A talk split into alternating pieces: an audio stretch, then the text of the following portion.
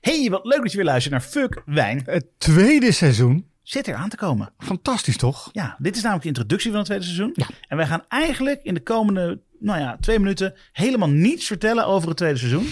Behalve dan dat je moet gaan luisteren. En dat het heel leuk wordt. En dat dit ook het moment is dat het bierpakket voor het seizoen op bierwolf.com slash fuckwijn te vinden is. En we gaan helemaal niks prijsgeven, maar kan je toch iets prijsgeven? Ehm, het bier is aanwezig. Ja. Ehm, wij hebben fenomenale gasten. Zonder nou een naam te noemen, maar kan je wat namen noemen?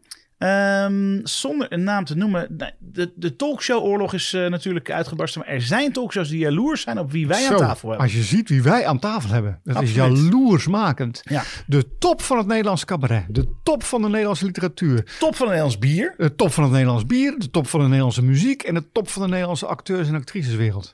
En er zit nog een topschrijver bij, een topbrouwer bij. En wij hebben tophapjes erbij. En we zijn ook heel erg bescheiden gebleven.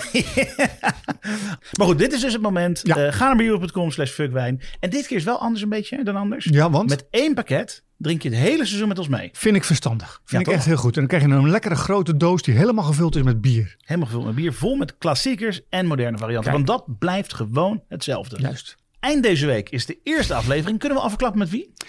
Mm, ze, zit, ze is actrice. Ze is blond. Ze is blond. Ze is eh, een waanzinnige persoonlijkheid. Het was ontzettend gezellig. Kortom, het was Annick Vijver. Nou, dat, dat is eigenlijk niemand anders die we nog, waar we nog op uit hadden kunnen komen.